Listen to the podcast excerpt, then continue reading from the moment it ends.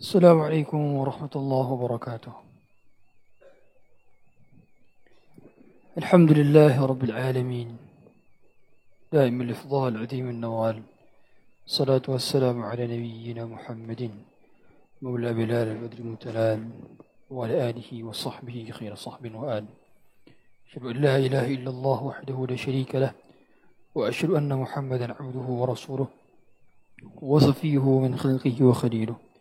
أدى الأمانة وبلغ الرسالة ونصح للأمة وكشف الله به الأمة وجاهد في الله حق جهاده حتى أتاه اليقين وتركنا على محجة بيضاء ليلها كنهارها لا يزيغ عنها إلا هالك.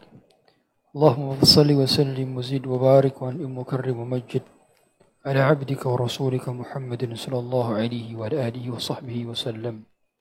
فقال تبارك وتعالى يا أيها الذين آمنوا اتقوا الله حق تقاته ولا تموتن إلا وأنتم مسلمون. وقال عز من قائل يا أيها الذين آمنوا اتقوا الله وقولوا قولا سديدا. يصلح لكم أعمالكم ويغفر لكم ذنوبكم. ومن يطع الله ورسوله فقد فاز فوزا عظيما. Hadirin sekalian yang dirahmati Allah Subhanahu wa taala. Pada sesi kali ini kita akan membahas berkenaan dengan judi dalam perlombaan. Ini adalah salah satu pembahasan di dalam fikih muamalah di dalam cabang gharar. Gharar. Sebagaimana kita ketahui bahwa keharaman dalam fikih muamalah hanya tiga saja. Yang pertama riba, yang kedua gharar, dan yang ketiga, zalim. Berputar pada tiga ini saja. Sehingga kalau kita nanya ke ustadz, ke ulama, ya syekh, bagaimana hukum? Misalkan cryptocurrency. Maka dia, dia akan nyari salah satu dari tiga ini. Kalau tidak ada gharar, apakah ada ada ada riba? Kalau tidak ada riba, apakah ada kezaliman? Kalau tidak ada ketiga-tiganya berarti kembali kepada hukum asal yaitu halal. Dan di dalam pembahasan fikih gharar ada pembahasan-pembahasan yang perlu dicatat bahwa gharar itu tidak selamanya diharamkan.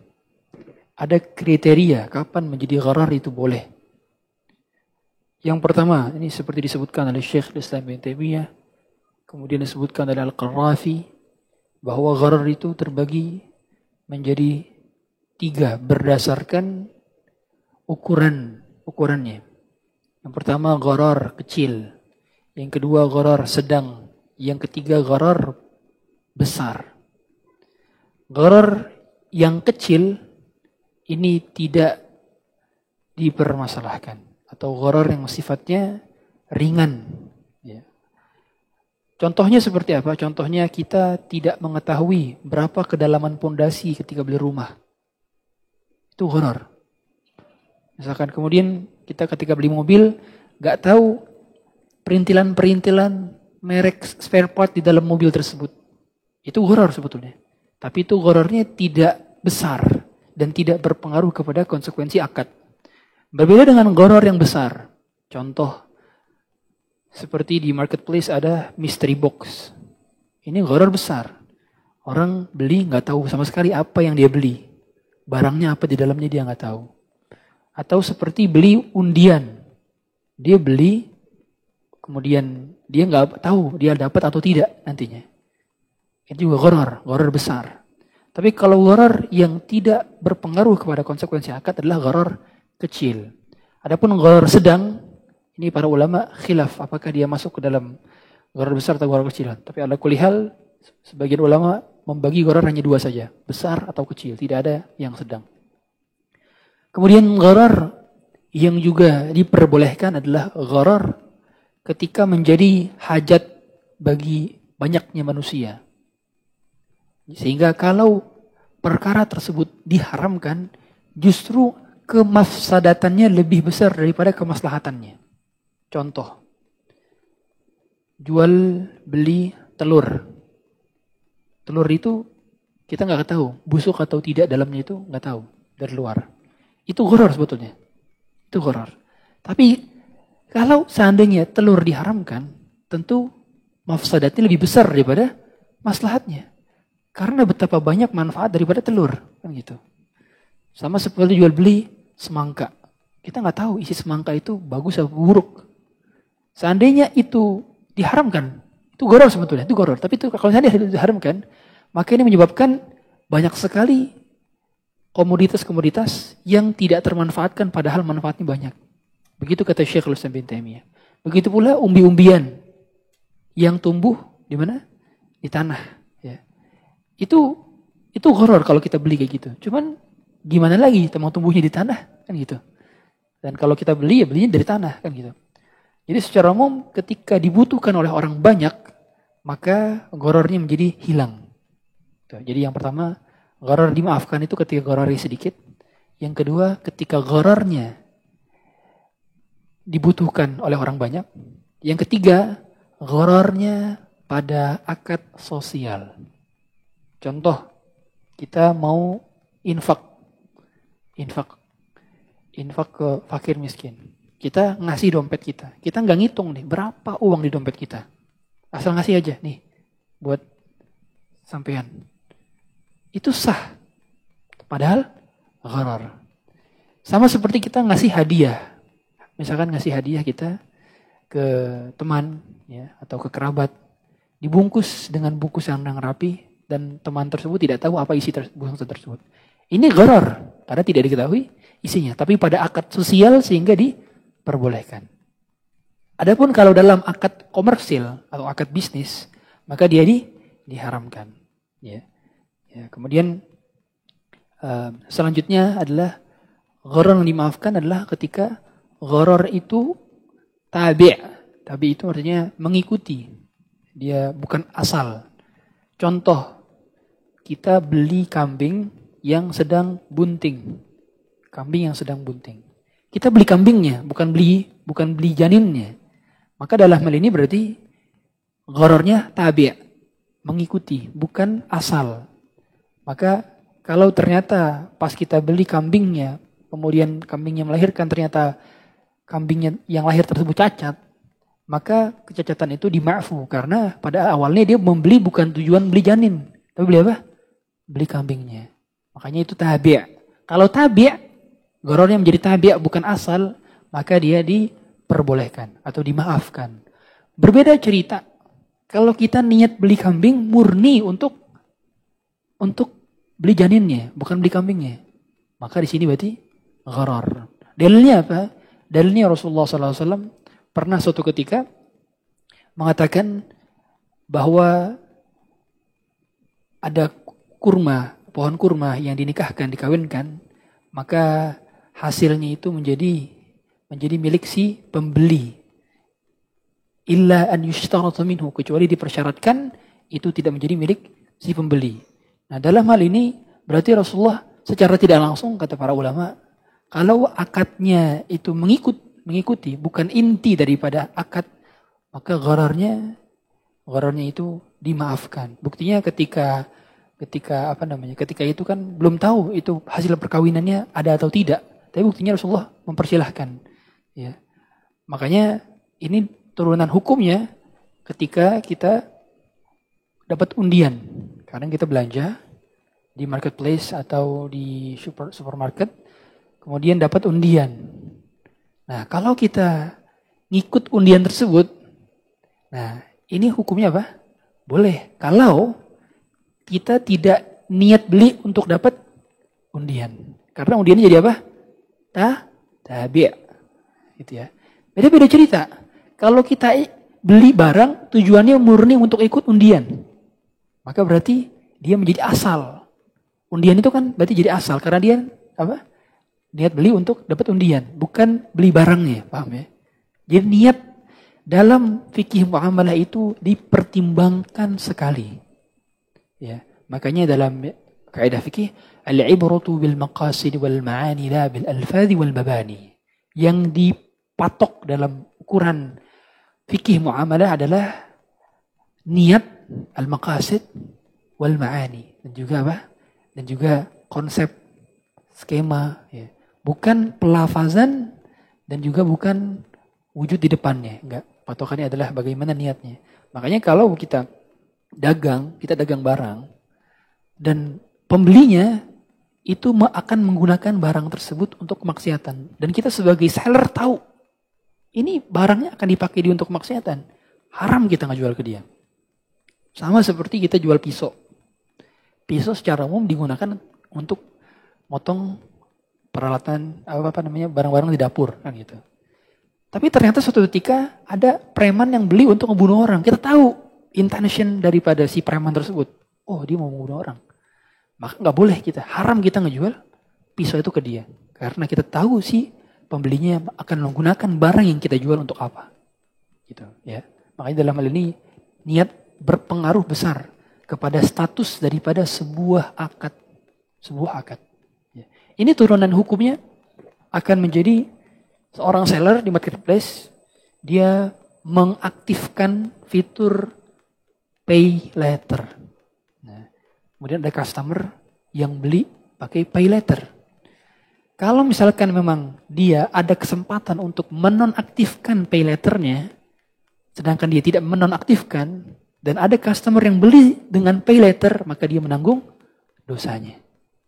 Tapi kalau dia tidak memiliki kesempatan untuk menonaktifkan pay letternya, berarti customernya apa dia tidak menanggung atas dosa customernya.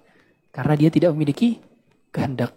Sebagaimana kefirman Allah Subhanahu wa taala, "Fattaqullaha mastata'tum." Turunan hukumnya seperti asuransi yang kalau kita gunakan ketika kita membeli barang elektronik di marketplace.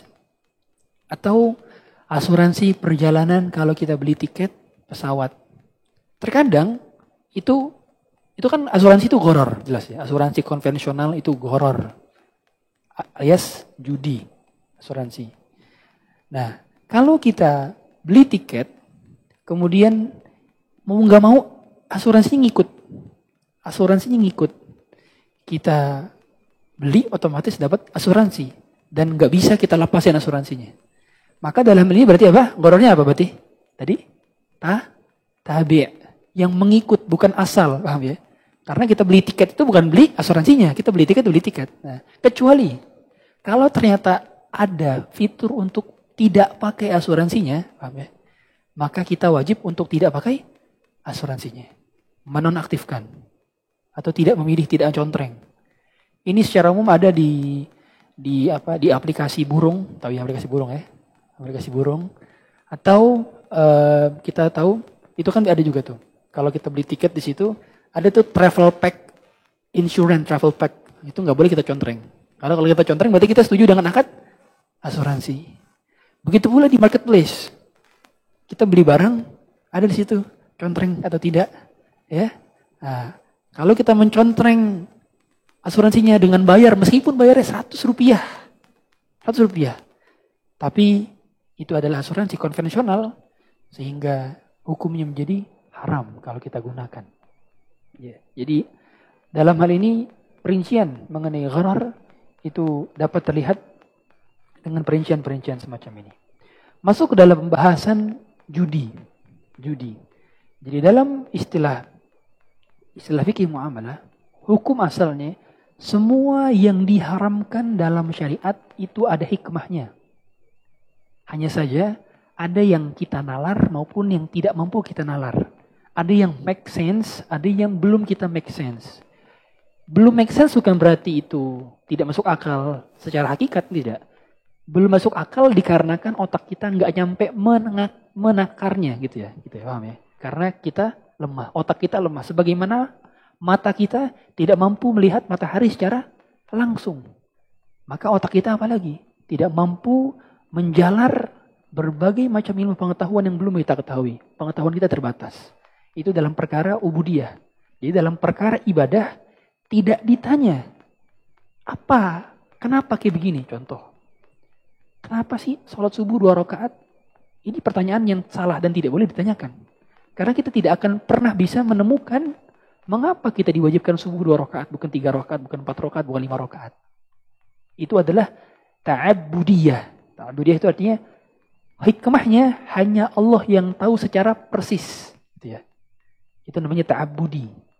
Adapun dalam perkara fikih muamalah, nah, dominan, setiap Allah mengharamkan sesuatu, dominan diketahui apa penyebabnya. Make sense. Contoh, mengapa Allah haramkan riba? Kenapa Allah haramkan utang piutang itu nggak boleh pakai lebih. Kemudian nggak boleh bayar utang piutang itu kalau telat nggak pakai terdapat keterlambatan. Kenapa? Ternyata di hikmah ekonominya. Apa hikmah ekonominya? Hikmah ekonominya ternyata kalau hutang piutang itu masuk ranah sosial. Yang ketika ada hutang dibayarnya dengan berlebih berarti ada pertambahan uang yang tidak diiringi dengan pertambahan barang dan jasa. Ketika ada pertambahan uang yang tidak diiringi dengan pertambahan barang dan jasa, otomatis peredaran uang akan meningkat. Ketika peredaran uang meningkat, otomatis demand meningkat. Supply nggak bertambah tapi demand meningkat. Dan inilah yang menyebabkan inflasi. Diketahui, oh ternyata riba itu menyebabkan inflasi. Sumber masalah penyakit ekonomi adalah riba. Oh, diketahui berarti kenapa Allah mengharamkan riba karena berpengaruh pada sistem ekonomi sebuah negara. Kenapa diharamkan goror? Kenapa kita nggak boleh mis beli mystery box? Kenapa kita nggak boleh main judi? Kenapa? Dapat nilar. Apa? Kenapa alasannya? Gampang. Karena itu dapat menyebabkan terbuangnya harta secara sia-sia. Sekaligus apa? Sekaligus dapat menyebabkan permusuhan. Sebagaimana Allah katakan, innamal mu'minuna ikhwah. Sesungguhnya orang beriman itu satu saudara. Dan segala macam bentuk gharar ini menyebabkan perselisihan daripada apa? kaum mukminin gitu ya oleh karenanya itu mengapa diharamkan ghoror kemudian terjadinya perselisihan antar kaum mukminin karena ketidakjelasan karena ada pihak yang yang untung dan ada pihak yang rugi mau nggak mau kayak gitu dalam setiap transaksi ghoror pasti ada pihak yang untung ada pihak yang rugi bainal gur, gun, gurmi wal gunmi gitu kata Syekh uh, Syekh Salih Utsaimin rahimallah jadi patokan daripada gharar ketika akan terjadi konflik yang disebabkan karena bisnis itu karena gharar. Ya, itu hikmah diharamkan diharamkan gharar. Kenapa diharamkan zalim dalam dalam dalam transaksi fikih muamalah dikarenakan kita tidak boleh memakan hak harta atau harta orang lain secara batil. Bertentangan dengan ayat yang menyatakan ya ayyuhalladzina amanu la ta'kulu amwalakum bainakum bil batil illa an takuna tijaratan an taradi minkum. Bertentangan dengan ayat itu. Jadi segala atau secara umum fikih muamalah itu make sense. Make sense. Dapat ternalari secara secara benar gitu ya oleh otak yang sehat. Berkenaan dengan ini, dalam agama kita ada beberapa hal yang diperbolehkan dalam cabang perlombaan. Dan ada perlombaan yang masyru' Ada perlombaan yang tidak masyru' tapi mubah. Ada perlombaan yang haram dibagi menjadi tiga. Hukum asal perlombaan dibagi menjadi tiga. Dan pada asalnya orang beriman itu hanya boleh memperlombakan yang baik-baik, bukan yang sia-sia. Ya, makanya kata Allah fastabikul khairat. Berlombalah kalian dalam kebaikan. Dan dalam ayat lain, wa fi dzalika falyatanafasil mutanafisun. Dan dalam perkara itu hendaknya orang berbuat baik, berbondong-bondong untuk berbuat baik. Karena memang hukum asalnya orang beriman itu harus semangat kepada kebaikan. Dan dalam hal ini Rasulullah pernah mengatakan la sabaqa illa fi khuffin au naslin au hafirin. Dalam hadis riwayat Abu Daud yang dihasankan oleh sebagian ulama bahwa tidak boleh ada perlombaan yang mendapatkan hadiah kecuali dalam tiga perlombaan. Yaitu pacu kuda, yang kedua pacu unta, dan yang ketiga adalah lomba memanah. Tiga ini. Para ulama mengkiaskan. Maksud dari tiga perlombaan ini adalah perlombaan yang bermanfaat untuk jihad visabilillah. Jihad visabilillah baik bentuknya peperangan maupun apa? ilmu syar'i. Jadi kata para ulama tidak boleh ada perlombaan yang mendapatkan hadiah atau diberi hadiah, ya, diberi hadiah pemenangnya pada perlombaan-perlombaan selain perlombaan yang tidak ada kaitannya dengan jihad fisabilillah, keterampilan jihad fisabilillah, cekatan dalam jihad fisabilillah ataupun dalam perkara ilmu syar'i yang bermanfaat untuk agama. Contoh, lomba hafal Quran, lomba hafal hadis, lomba uh, apa namanya, lomba mengarang karya tulis ilmiah, kemudian lomba ini kalau ini kalau dalam hal perkara agama ya, dalam hal agama misalkan, lomba menulis jurnal ilmiah untuk bahasan fikih misalkan, yang mana manfaat itu bisa dihasilkan kemudian disebarkan oleh kaum muslimin. Kalau dalam bentuk teknis secara apa namanya, untuk keterampilan jihad fisabilillah dalam hal kegiatan militer misalkan lomba memanah, lomba menembak, lomba uh, berenang. Eh, berenang itu kan berguna untuk jihad fisabilillah. Ya. Dan segala hal yang berguna untuk jihad fisabilillah maka itu diperbolehkan mendapatkan hadiah. Kebalikannya, berarti perlombaan-perlombaan yang tidak ada kaitannya dengan jihad fisabilillah, baik jihad fisabilillah fisik maupun jihad fisabilillah otak maka tidak boleh mendapatkan hadiah. Contohnya lomba makan kerupuk, lomba masukin paku ke botol, lomba apa lagi? Lomba makan kelereng, ya gigit apa tuh? Nah, gigit gigit sendok ya terus pakai kelereng. Apa lagi? Terus lomba yang gini. Dicindik kain, masukin gini. Ada itu. Saya baru lihat kemarin di Instagram. Kok ada kayak gitu loh mbak. Kenapa kok nggak boleh? Kenapa nggak dikasih dia? Kenapa? Apa hikmahnya? Ini ini yang saya paparkan pendapat jumhur ulama. Jadi bukan bukan pendapat saya, pendapat jumhur ulama mengatakan demikian. Dari madhab syafi'i, madhab hambali, madhab maliki. Tiga madhab ini mengatakan tidak boleh dikasih hadiah. Sekalipun itu mubah. Ya. Atau lomba ini, apa namanya ini? Air belakangin atau lomba apa? Lomba eh macam-macam dah, enggak enggak ini banyak ya. Nah, itu tidak boleh. Kau kenapa? Ustaz, kenapa dilarang? Kenapa? Coba saya pengen tanya kenapa dilarang? Ini make sense sebenarnya kan. Muamalah make sense. Gampang dicari ilat keharamannya. Kenapa nggak boleh? Karena nah, Islam itu memotivasi agar umatnya bersemangat dalam perkara jihad fisabilillah dan juga agar hartanya tidak terbuang kepada hal yang sia-sia. Uh, sempurna banget berarti kan? Sempurna. Islam itu sempurna sampai harta untuk kegiatan yang kurang positif saja dalam tanda kutip itu tidak boleh di spend di situ. Harus ada bermanfaat. Dan yang kedua, fungsinya supaya orang-orang itu lebih semangat ngapain? Ngafal Quran dibandingin dibandingin kayak gitu. Lebih semangat ngapain?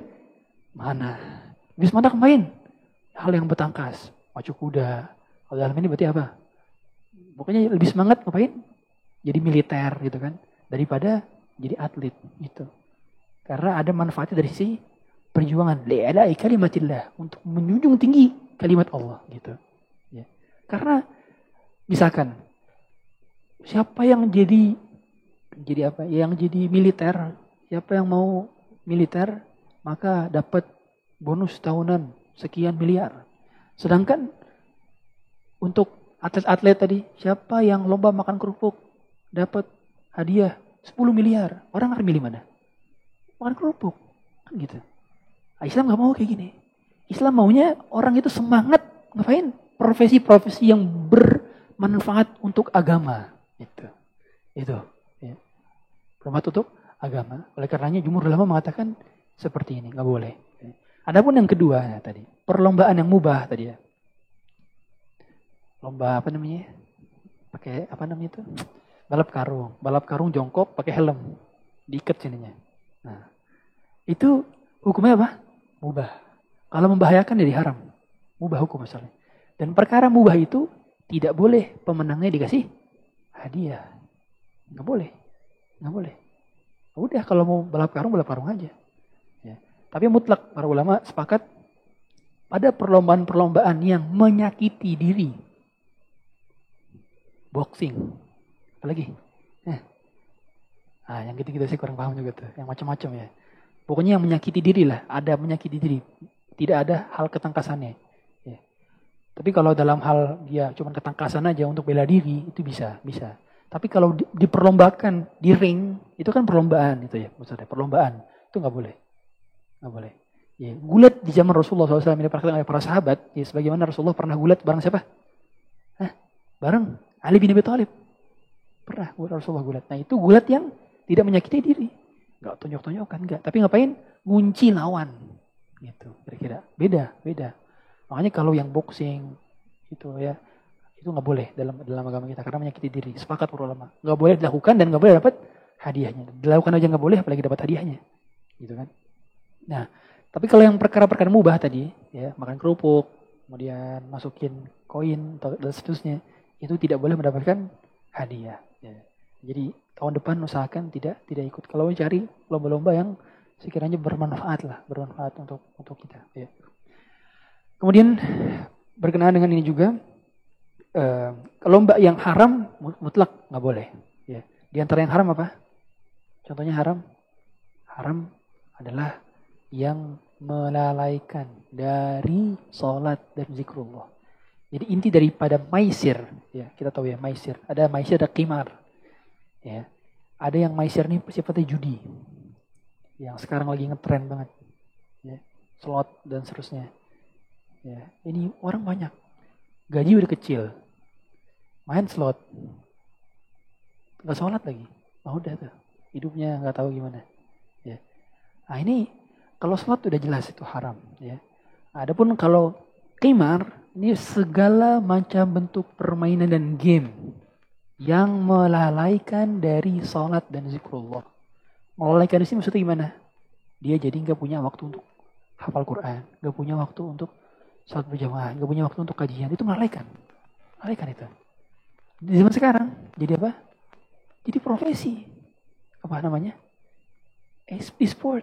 Jadi cabang perlombaan. Ini nggak boleh. Dalam agama kita nggak boleh.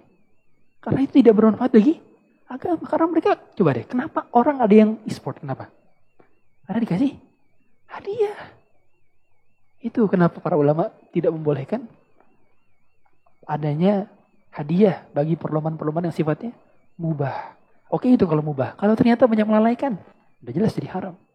Apalagi kalau ternyata karakternya, animenya yang dia mainkan membuka aurat atau berbentuk seperti makhluk hidup yang sempurna, wajah, tangan, kaki, kepala dan seterusnya. Jelas tidak boleh.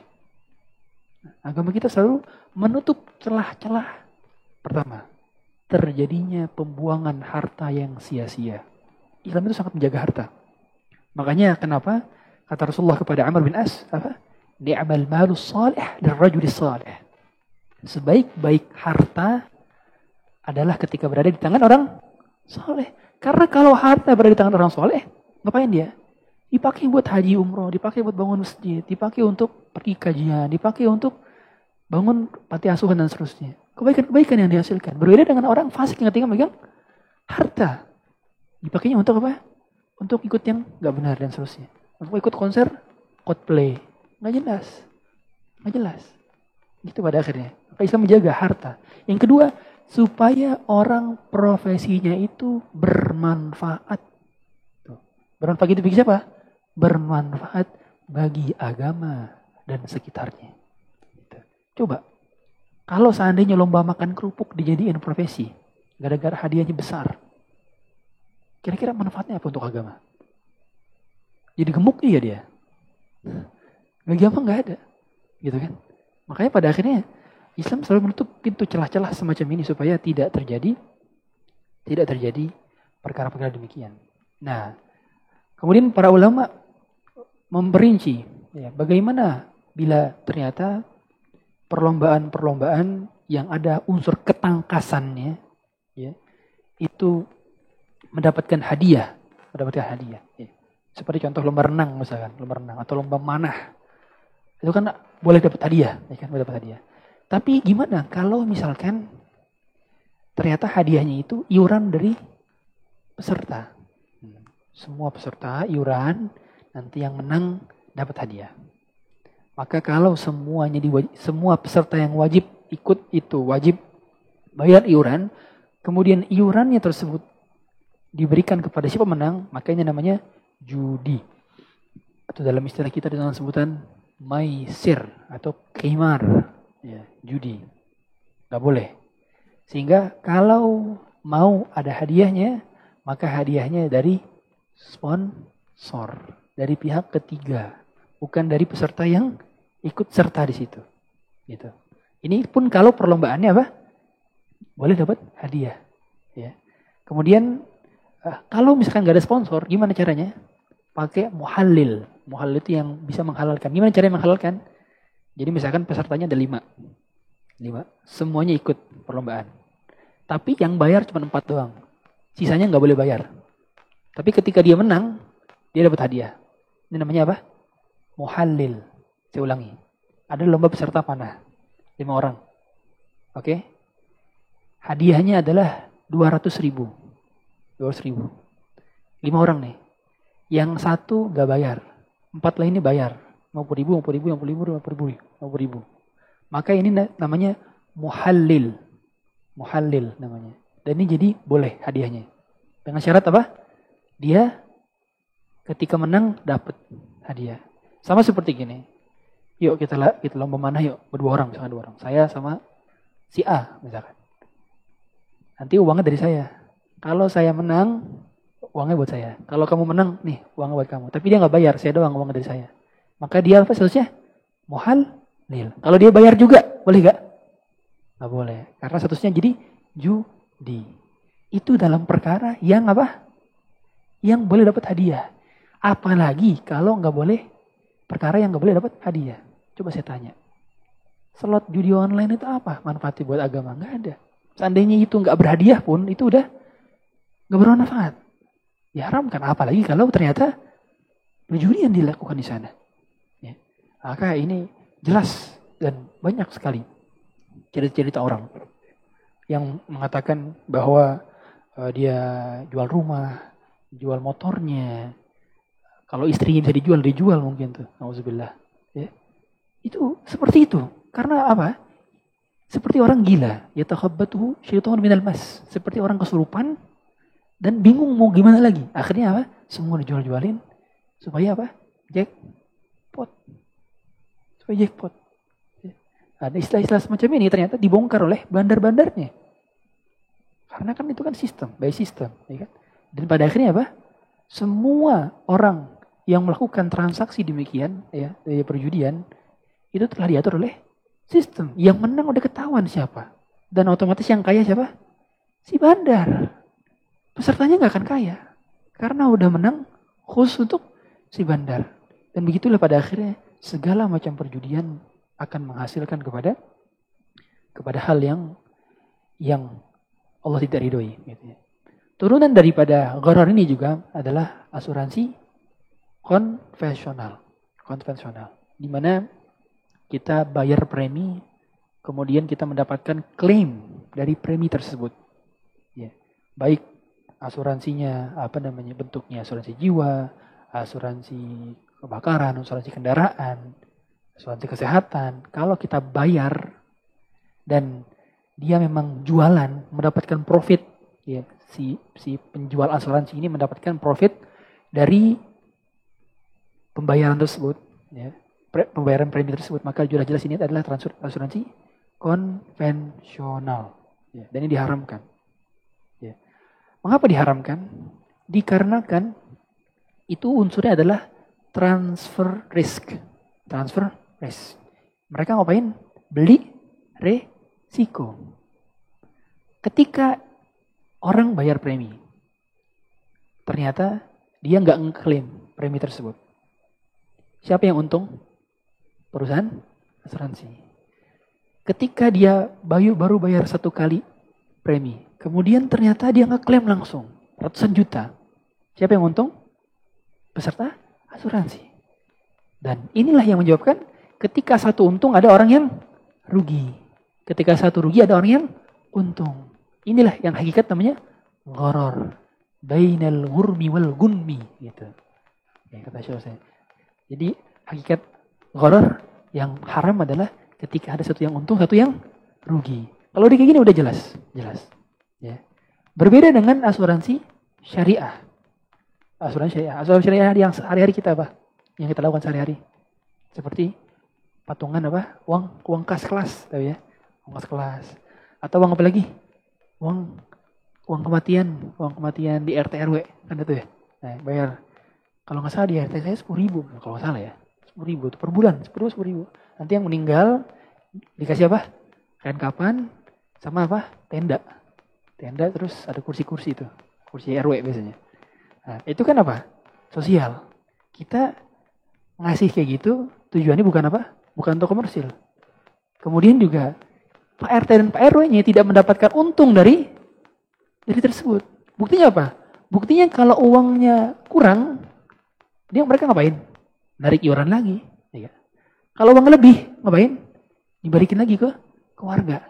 Nah, gitu. Atau buat kemaslahatan warga tidak mendapatkan untung dari situ. Ya. Ini namanya asuransi syariah yang memang hukum asalnya adalah sosial. Akad ini pernah dilakukan oleh sahabat Abu Musa al-Ash'ari dari kabilah al-Ash'ari. Jadi satu ketika pacaklik. Jadi kabilah Ash'ari ini pacaklik. Kemudian setiap orang itu kan butuh makanan. Ada yang makan sedikit, ada yang makannya banyak. Gimana caranya biar semua dapat dapat? Gimana caranya? Maka ada orang yang bawa roti kering. Roti keringnya satu, ada yang bawa dua, ada yang bawa tiga, ada yang nggak bawa sama sekali. Nanti masing-masing ditaruh di dalam eh, apa namanya di dalam kain, ya. kemudian dibejek-bejek kainnya sehingga roti kering tersebut jadi jadi jadi halus gitu ya. Kemudian dibagi rata, masing-masing dapat bagi rata. Ini akad apa? Sosial. Namanya apa berarti? Sharing risk. Sharing risk. Jadi kalau asuransi konvensional, akadnya adalah transfer risk. Adapun asuransi syariah, akadnya adalah sharing risk. Berbeda antara keduanya. Kalau yang pertama tadi, goror pada akad apa? Komersil. Tadi sebagaimana kata kami katakan. Goror itu boleh pada akad apa? Sosial. Kalau ini kan goror, ini kan goror. Goror. Yang Abu Musa al-Asyari lakukan itu gak goror. Goror. Tapi ternyata itu akad apa? Sosial. Mereka tidak mencari keuntungan, tapi murni apa? Saling tolong menolong. Sama seperti kita uang kas, bayar uang kas. Tahu ya, kita kalau pernah sekolah pasti bayar uang kas kan, bayar uang kas. Terus ketika ada yang sakit, ternyata pakai uang kas. Saya mau nanya, emang yang sakit pernah berharap ya kalau dia sakit, ya sakit dah biar dapat uang kas? Kagak. Dan yang bayar juga rela kan, ketika ternyata uang kasnya dipakai buat jenguk orang sakit, rela kan? Tolong menolong, base-nya akan tolong. Kemudian ketika ternyata uang kasnya kurang, biasanya bendahara ngapain? Balikin lagi. Ya Ketika uang kasih lebih, bendahara ngapain? Balikin lagi uangnya atau buat makan-makan semua orang di kelas kan gitu. Ya, jadi beda antara asuransi konvensional dengan asuransi komersial. Oleh karena itu, sebagian ulama dahulu ya, kalau sekarang udah, setahu saya udah gak ada perbedaan. BPJS, BPJS itu ulama asatijah dahulu itu khilaf kan. Ini sebenarnya asuransi komersial atau asuransi, asuransi sosial. Karena kalau saya pribadi, saya menganggap asuransi sosial dari dulu. Dari dulu saya menganggap asuransi sosial. Mengapa? Dikarenakan negara itu tidak mengambil keuntungan. Dan kalaupun keuntungan, keuntungan itu dimanain? Buat fasilitas kesehatan lagi, ya kan? Sehingga kalaupun bayar, itu tidak berpengaruh kepada satu sebuah akad. Karena pada akhirnya adalah asuransi sosial, akadnya sosial. Ditambah lagi, semenjak tahun berapa? 2018 atau 2017 itu. Ya, sudah diwajibkan bagi seluruh warga negara ya bahwa orang sebagai WNI wajib memiliki BPJS sehingga hukumnya sepakat para ulama setahu saya di zaman sekarang para asatidz juga di Dewan Fatwa, Ustaz Erwan di dan berbagai asatidz lainnya sepakat bahwa BPJS boleh meskipun bayar karena sudah diwajibkan oleh pemerintah oleh ulil amri begitu jadi banyak perincian dan pada akhirnya hukum itu akan mengikuti apa keadaan suatu ketika peraturan ini berubah bisa lagi berubah hukumnya. Gitu. Makanya dalam istilah fikih itu adalah alifta. Mahalul ifta. Ketika fatwa itu bisa berubah karena berubahnya keadaan. Contoh, dulu di tahun 18, itu tahun 18, abad 18, abad 17, uang kertas itu diharamkan oleh para ulama. Semua ulama mengharamkan uang kertas. Mengharamkan uang kertas. Kenapa? Karena itu tidak bernilai harta. Tidak ada nilai intrinsiknya. Gimana mungkin kita berniaga tapi nggak ada kertas lembar kertas yang tidak ada nilai intrinsiknya. Di zaman sekarang, abad ke-21, siapa ulama yang uang kertas? Majma' Fatwa Islami, nggak ada. Semua hampir semua membolehkan uang kertas. Kenapa bisa berubah? Karena sudah berubah. Bahwa nilai intrinsik itu bukan pada benda, tapi pada apa? Pada kebijakan dan keamanan sebuah negara. Itu nilai intrinsiknya. Berubah fatwa karena berbeda keadaan. Ya, dari situlah difahami bahwa dalam variabel-variabel muamalah banyak perkara yang harus menjadi pertimbangan. Makanya untuk menghukumi sebuah hukum fatwa, saya sering kali itu. Kalau dapat WA, Ustadz nanya, panjang banget. Itu nggak kebaca mas saya biasanya. Kenapa nggak baca? Karena untuk menghukumi satu kasus muamalah, pertama, butuh analisa yang mendalam. Yang kedua, butuh kejelasan masalah. Bagaimana alurnya, step by stepnya gimana, skemanya seperti apa. Kalau jadi nanya muamalah itu tidak sesederhana nanya fikih ibadah. Nanya fikih ibadah jelas gampang. Tapi apalagi muamalah kontemporer yang setiap hari itu ada kasus baru. Coba deh kita perhatikan toko oren, toko hijau. Perhatikan. Itu tiap hampir tiap minggu itu ada fitur baru. Entah macam-macam deh, macam-macam fitur barunya ya. Belum lagi di sosial media lain yang ada tokonya. Bahasa kita apa? Keranjang oren.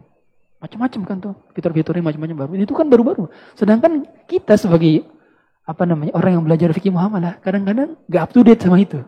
Ketika dapat pertanyaan harus ngapain dulu berarti? Harus cari tahu dulu. Oh gimana term and conditionnya? Gimana syarat dan ketentuannya? Baca peraturannya. Kalau bisa nelpon sama orang yang menjadi praktisinya. Kan gitu. Makanya untuk menghukumi sebuah, sebuah fikih muamalah kayak kemarin cryptocurrency. Banyak di kalangan para ulama itu mereka kifnya diem. Karena belum tahu hakikat dari para cryptocurrency gimana. Meskipun kalau sekarang seperti Syekh Sa'ad Khazlan udah mulai berani bilang, oh cryptocurrency itu seperti mata uang biasa. Meskipun ini juga masih belum ada fatwa lagi lebih lanjut dari DSN MUI ataupun Asetizen Indonesia. Karena belum jelas, belum jelas hakikatnya kayak gimana cryptocurrency itu. Dia dikatakan currency atau dikatakan komoditas. Karena dalam dunia ini kalau nggak currency ya komoditas. Sedangkan dikatakan currency dia nggak resmi, dikatakan komoditas juga tidak di backup dengan nilai intrinsik. Hanya dia hanya binari saja, angka satu satu satu satu nol satu nol satu gitu doang. Tidak bernilai harta. Para ulama khilaf di situ. Maka dalam hal ini berarti konsep dasar fikih muamalah adalah sebuah keadilan. Keadilan tidak ada pihak terzalimi dan hukumnya adalah hukum asalnya adalah membenci segala macam kezaliman. Ya. Sering kali kita dapati banyak orang yang pada akhirnya bunuh diri karena judi, judi. Atau banyak deh kampung, kampung ya. Kalau misalkan lagi lomba uh, futsal atau lagi lomba bola, ribut biasanya. Gara-gara apa? Gara-gara nggak menang lomba, nggak menang lomba. Dan pada akhirnya gitu, pada akhirnya gitu. Kalau dikasih hadiah maka demikian. Uh, adapun pada perkara-perkara mubah ya, kayak Rasulullah SAW pernah lomba lari bersama siapa? Aisyah, lomba lari. Terkadang Rasulullah menang, terkadang Rasulullah kalah. Satu ketika Rasulullah menang di awal-awal, eh, kalah. Itu nggak pakai hadiah pada saat itu sama Aisyah. Tapi itu mubah hukum asalnya, gitu ya. Maka untuk um, membedakan setiap akad akad itu, maka kita harus melihat ilatnya dahulu. Apakah ada unsur gharar? Apakah ada unsur riba? Dan apakah ada unsur zalim? Ya. Oleh karena itu, tadi hukum perinciannya adalah kalau misalkan kita dapat undian, dapat undian gratis. Undiannya gratis pertama. Kita mau ikut mau enggak silahkan. Apakah kita boleh ngikut? Saya tanya, boleh enggak? Kalau gratis? Boleh, karena enggak bayar untuk beli undiannya. Kalau ternyata kita beli barang, nggak niat untuk dapat undian. Ternyata kata kasirnya, Mas, sampean dapat undian karena telah membeli ini. Saya nanya, boleh gak kita, kita ikut undiannya? Hmm? Boleh. Kenapa? Karena ta tabi dia mengikuti bukan asal. Niat dominan kita bukan untuk dapat undian, tapi untuk beli barang. Beda cerita. Kalau ternyata kita beli tujuannya untuk dapat undian, kita beli supaya dapat kupon undian. Jelas mengikuti undian tersebut haram. Begitu pula kita sering dapat uh, apa namanya koin-koin di marketplace atau di mana di aplikasi pulsa kita yang bisa ditukar dengan undian. Ya, ini hati-hati nih. Hati-hati. Itu tidak boleh. Poin-poin dan koin-koin yang didapatkan dari marketplace itu boleh ditukar dengan apa? Dengan barang dan jasa. Karena dia bernilai harta. Statusnya apa? Hibah. Hibah. Potongan harga itu kan cashback kan potongan harga. Dan dia statusnya hibah. Dan ketika ditukar dengan barang dan jasa, ditukar dengan pulsa, ditukar dengan uh, kita pergunakan untuk apa namanya bayar ya dan seterusnya, itu boleh. Tapi kalau digunakan untuk undian, dapatkan iPhone 14 Pro Max dengan mengirimkan 10 poin Anda, maka Anda mendapatkan akan berpotensi mendapatkan hasilnya. Boleh gak? Gak boleh. Kenapa gak boleh? Karena undian yang ada kontribusi harta. Itu. Meskipun demikian, para ulama khilaf. Apa hukumnya kita ikut undian di sosial media yang mempersyaratkan harus like subscribe, share, lagi komen, uh, dan seterusnya. Apa hukumnya? Nah, saya pernah dengar fatwa dari Yusat Erwandi, kata beliau tidak boleh. Kenapa tidak boleh? Karena ada kontribusi berupa jasa marketing. Ya. Kan ingat ya, kita itu nggak boleh dapat undian kalau apa? Ada harta yang disumbangkan. Dan dalam hal ini share, komen, subscribe itu adalah jasa marketing. Ya. Sehingga ketika ketika kita apa namanya? Ketika kita ikut kegiatan demikian, maka sama saja kita seperti judi karena ada kontribusi berupa harta, berupa apa? Jasa yang disetorkan oleh setiap peserta undian. Gitu. Nah, para sebagian ulama lagi lain bilang, ya, seperti ya yang saya lihat di berbagai literatur uh, website para ulama kontemporer, mereka bilang bahwa kalau yang bernilai harta itu adalah yang bernilai jasa secara nilai-nilainya bisa di appraisal, bisa dinilaikan. Tapi kalau yang maksud maksudnya gimana? Kalau yang follower-followernya masih dikit, itu share mereka, komen mereka itu tidak terlalu bernilai harta. Berbeda dengan orang yang follower banyak. Kemudian dia ikut undian. Itu dia memiliki jasa apa? jasa berupa marketing. Ya, makanya ketika mereka ikut undian, nggak boleh itu dapat dapat hadiah dan dia dari dari dari jasa yang pernah distorkannya. Nah, dari sini para ulama khilaf. Allah alam, saya pribadi mengambil pendapat yang pertama dan tidak menganjurkan untuk mengikuti hal-hal semacam itu. Kemudian juga um, yang menjadi bagian daripada ini adalah seseorang ngumpulin gambar, tahu ya? Dia beli beli apa? Beli beli barang, kemudian nanti dapat apa? Dapat puzzle. Nah, iya puzzle nanti dikumpulin puzzlenya udah banyak, nanti ditukar. Kalau udah lengkap puzzlenya bisa ditukar jadi misalkan jadi iPhone, jadi mobil misalnya jadi motor. Kalau kumpul puzzlenya, ini juga haram. Kenapa haram? Karena dominannya orang mereka beli bukan beli buat beli barang. Beli buat apa? Nyari puzzle-nya itu. Kan gitu. Beda cerita kalau orang nggak sengaja beli, emang beli aja. Beli-beli barang, kemudian ternyata dikumpulin, dicek semua. Eh, cocok. Boleh gak kalau gitu? Boleh, karena dia niatnya bukan puzzle-nya. Gitu. Ya, ternyata mempengaruhi dalam dalam dalam fikih, dalam fikih muamalah. Ya. Um, kemudian juga dalam hal ini um, apa namanya pada hal-hal yang dimasyru'kan ya dimasyru'kan seperti lomba hafal Quran, lomba lomba hafal hadis. Ini para ulama sepakat boleh mendapatkan hadiah, tapi dengan syarat lagi tadi. Tidak boleh hasil daripada iuran. Ya, tapi harusnya dari sponsor.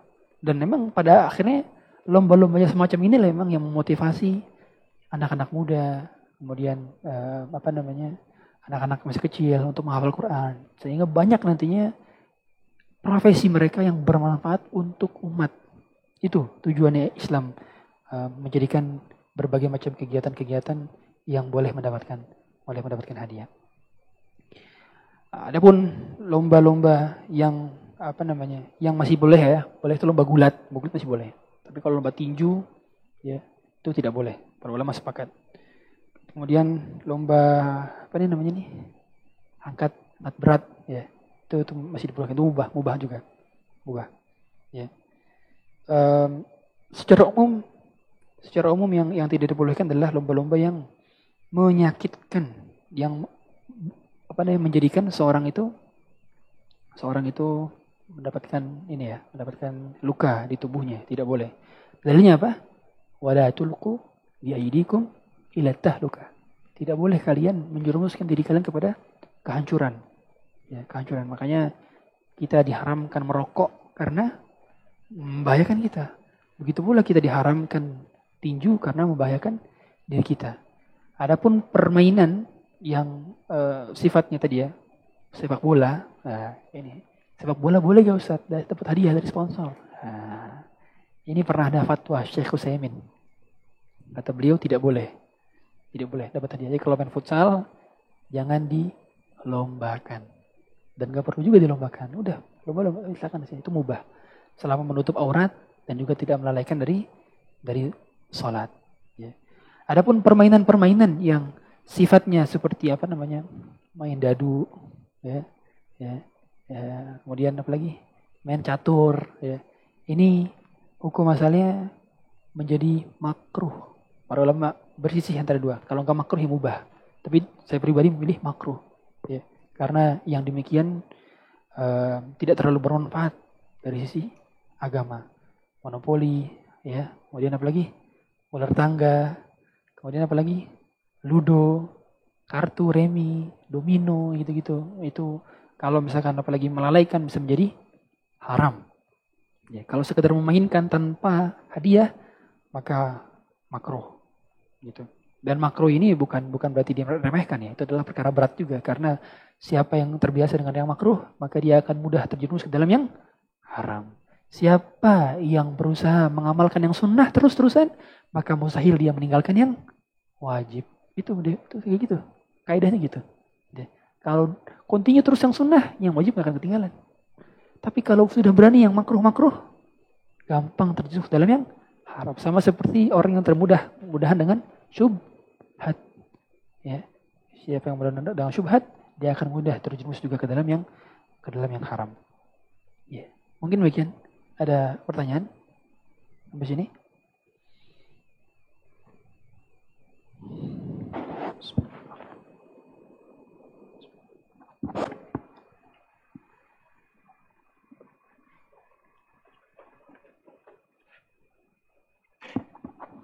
Assalamualaikum warahmatullahi wabarakatuh. Assalamualaikum warahmatullahi wabarakatuh. Saya seorang guru wanita, bolehkah mengadakan lomba berhitung untuk siswa TK dan SD di mana untuk honor juri, biaya operasional, dan hadiah pemenang diambil dari biaya pendaftaran karena kami tidak mendapatkan sponsor. Yang kedua, bolehkah di acara lomba tersebut yang bertempat di mall wanita memimpin acara lomba di hadapan orang tua, murid, ikhwan dan akhwat? Bagaimana Ustadz? Pertama, tidak boleh hadiah diambil dari iuran. Tidak boleh. Kemudian kalau mau halal tadi pakai muhalil. Ada sebagian peserta yang tidak boleh bayar, tapi dia boleh ikut dan dia wajib ikut. Kemudian ketika dia menang, maka dia boleh dapat hadiah. Namanya muhalil. Tapi yang jadi pertanyaan, ada gak orang yang ridho? Ternyata yang gak bayar bukan dia. Dia dapat, sedangkan dia dapat hadiah. Gitu. Masih susah kan?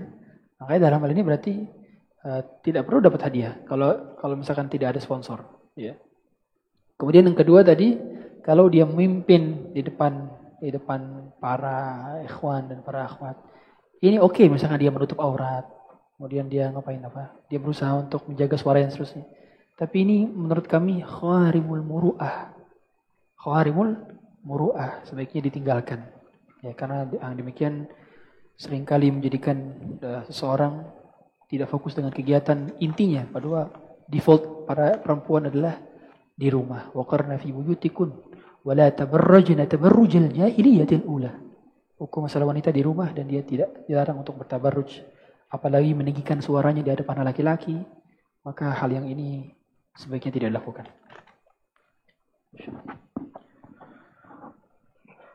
Assalamualaikum Ustadz. Jadi saya beli tiket Coldplay dalam posisi belum paham tentang mudorot dari nonton konser tersebut. Alhamdulillah, sekarang saya sudah sedikit paham bahwasannya banyak mudorotnya.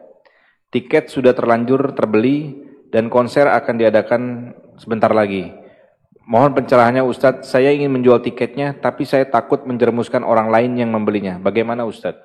Haram menjual tiket Coldplay meskipun Anda sudah beli. Nggak boleh. Kenapa nggak boleh? Karena yang haram manfaatnya maka tidak boleh dijual. Ma haruma naf'uhu haruma bai'uhu. Itu kaidahnya. Apa yang haram manfaatnya maka tidak boleh dijual. Tidak boleh diperjualbelikan. Sama seperti orang punya khomer. Satu pabrik. Belum tobat nih. Kemudian dia tobat. Apakah boleh pabrik khomer dijual? Tidak boleh. Harus diapain? Dimusnahkan. Dimusnahkan. Dimusnahkan. Sama seperti alat musik. Alat musik hukumnya haram. Haram. Kalau dia tobat dari main gitarnya, dari main seluringnya, dari bandnya, maka dia nggak boleh ngejual alat-alat musiknya. Nggak boleh. Harus diapain? Dimusnahkan. Ustadz, tapi itu harta Ustadz. Itu harta yang tidak bermanfaat karena haram menurut syariat. Dan kalau kita berjualkan, selama barang itu masih eksis, dosanya ngalir terus. Sekarang saya pilih, pilih, memilih. Lebih baik dosa ngalir atau dimusnahkan sekarang. Kan gitu. Ya. Maka berarti kalau sudah taubat dari Coldplay, Alhamdulillah. Dan Allah insya Allah kalau kita buang tiket, nah tiket Coldplay-nya mulai dirobek. Buang atau bakar tong sampah. Eh enggak ya, tiketnya kan digital ya, nggak bisa di Kalau tiket digital ya udah di delete aja, delete, nah delete. Kemudian berdoa sama Allah, Allah pasti akan gantikan. Karena apa? Kata Rasulullah SAW, Man taraka syai'an lillah, awwadallahu khairan minha. Siapa yang meninggalkan sesuatu karena Allah, pasti Allah akan menggantikannya dengan yang lebih baik. Gak usah takut sama rezeki. Rezeki kita ada di langit. Dijamin oleh sang pemilik langit dan bumi. Ya, tahu. Jangan digunakan, jangan dijual. Allah ada. Bismillah. Apa hukumnya tebus murah di swalayan Ustadz? Yang kedua, bagaimana jika kita tahu item yang kita mau tebus itu termasuk item yang masuk promo tebus murah? Lalu kita sengaja belanja barang lain hingga memenuhi limit tebus murah tersebut. Sehingga kita beli item tersebut dalam harga diskon. Bagaimana Ustadz? Bagus Ini dulu viral ya. Ada saya nggak tahu tuh siapa yang bikin videonya. Ada perempuan dia bilang tebus murah haram. Ini macam-macam. Saya jelaskan dulu maksud dari tebus murah. Tebus murah itu dia ketika mencapai batas limit belanja, misalkan belanja 100 ribu, nanti bisa dapat Eh, dia dia bisa ini bisa beli barang menjadi harga murah. Contoh asalnya sirup 20 ribu bisa dibeli jadi 10 ribu. Tapi dengan syarat minimal pembelian harus 100 ribu. Apakah nah ini kan keharamannya kalau kata mereka itu kan jual beli dua akad gitu jual beli dua akad atau dalam istilah fikihnya adalah bai'ataini fil bai'ah sebagaimana Rasulullah katakan nah Rasulullah SAW anil bai'ataini fil bai'ah Rasulullah melarang jual beli dalam jual beli. Tapi secara umum ya ini bukan termasuk ke dalam dua akad. Bukan. Bukan. Ya. Mengapa dikatakan buat belum dua akad? Karena pada awalnya, pada awalnya itu dia belum berakad dan dia boleh memilih untuk menggunakan atau tidak. Sehingga tidak berkonsekuensi dua akad. Yang berkonsekuensi dua akad itu seperti apa? Contoh seperti leasing leasing. Di mana ada perjanjian dan klausul kalau kita bayar lebih cepat maka dapat diskon. Kalau kita telat bayar maka ada denda keterlambatan atau tenornya diperlama dengan harganya dinaikin. Nah gitu. Ya. Maka ini dua harga dalam satu akad. Ini yang tidak boleh. Adapun tebus murah, maka bukan termasuk dua harga dalam satu akad. Silahkan tanya kepada asadidah halus sunnah. Dan ini pendapat yang saya condongi. Silahkan tanya Ustaz Erwan di Ustaz Ami dan beberapa Ustaz lainnya. Mereka tidak menganggap bahwa tebus murah bagian daripada dua harga dalam satu akad. Allah alam. Bismillah. Bagaimana bila ada sponsor dan ada iuran? Dan sebagai panitia, apakah uang yang tercampur tersebut masih dikatakan judi? Yang kedua, apakah boleh mengikuti lomba dan ketika menang kita tidak mengambil hadiahnya, hanya mengambil sebagian sejumlah uang iurannya? Yang pertama, tidak boleh kalau ternyata yang ikut sebagai peserta wajib membayar semuanya. Sudah jelas. Meskipun dana sponsor lebih banyak dibandingkan hasil dari peserta, tapi karena peserta membayar dan wajib membayar, maka perlombaan tersebut menjadi haram. Yang kedua, gimana kalau kita ikut, ternyata kita ikut perlombaannya, tapi kita tidak ngambil hadiahnya. Sama. Kenapa nggak boleh?